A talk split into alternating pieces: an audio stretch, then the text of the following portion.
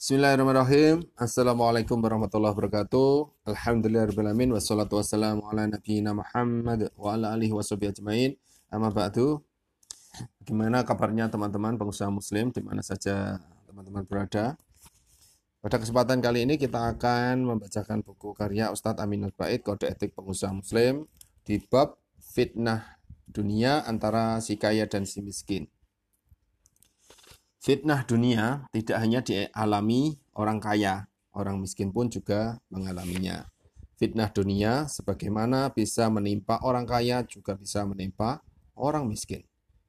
Bisa jadi orang miskin yang lebih tamak dunia dibanding orang kaya.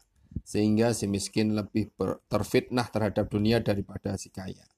Dan sebaliknya, dari Abu Kafsah Al-Anmari radhiyallahu anhu Rasulullah sallallahu alaihi wasallam bersabda yang artinya sesungguhnya dunia ini hanya dihuni empat golongan manusia. Yang pertama, seorang hamba yang dikaruniai harta dan ilmu, kemudian dengan kekayaannya itu dia dia ter, bertakwa kepada Robnya, menyambung silaturahmi, dan mengetahui hak-hak Allah. Inilah kedudukan manusia yang paling mulia. Yang kedua, seorang hamba yang dikaruniai ilmu tetapi tidak dikaruniai harta. Dengan kejujuran niatnya dia mengatakan, jika seandainya aku mempunyai harta seperti si fulan, maka aku akan beramal seperti si fulan itu. Dengan niat seperti ini, maka pahalanya keduanya sama. Yang ketiga, seorang hamba yang dikaruniai harta namun tidak diberi ilmu. Lalu ia membelanjakan hartanya secara serampangan tanpa dasar ilmu. Tidak dia gunakan untuk bertakwa kepada Robnya, tidak pula untuk menyambung silaturahmi, dan tidak mengetahui hak Allah pada hartanya. Dia berada pada kedudukan yang paling rendah.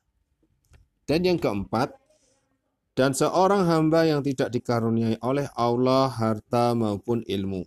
Lantas ia berkata, kalau seandainya aku memiliki harta seperti fulan, niscaya aku akan berbuat seperti yang dilakukan fulan. Dengan niat itu menjadikan dosa keduanya sama. Hadis riwayat Tirmidzi 2325, hadis Ahmad 18194.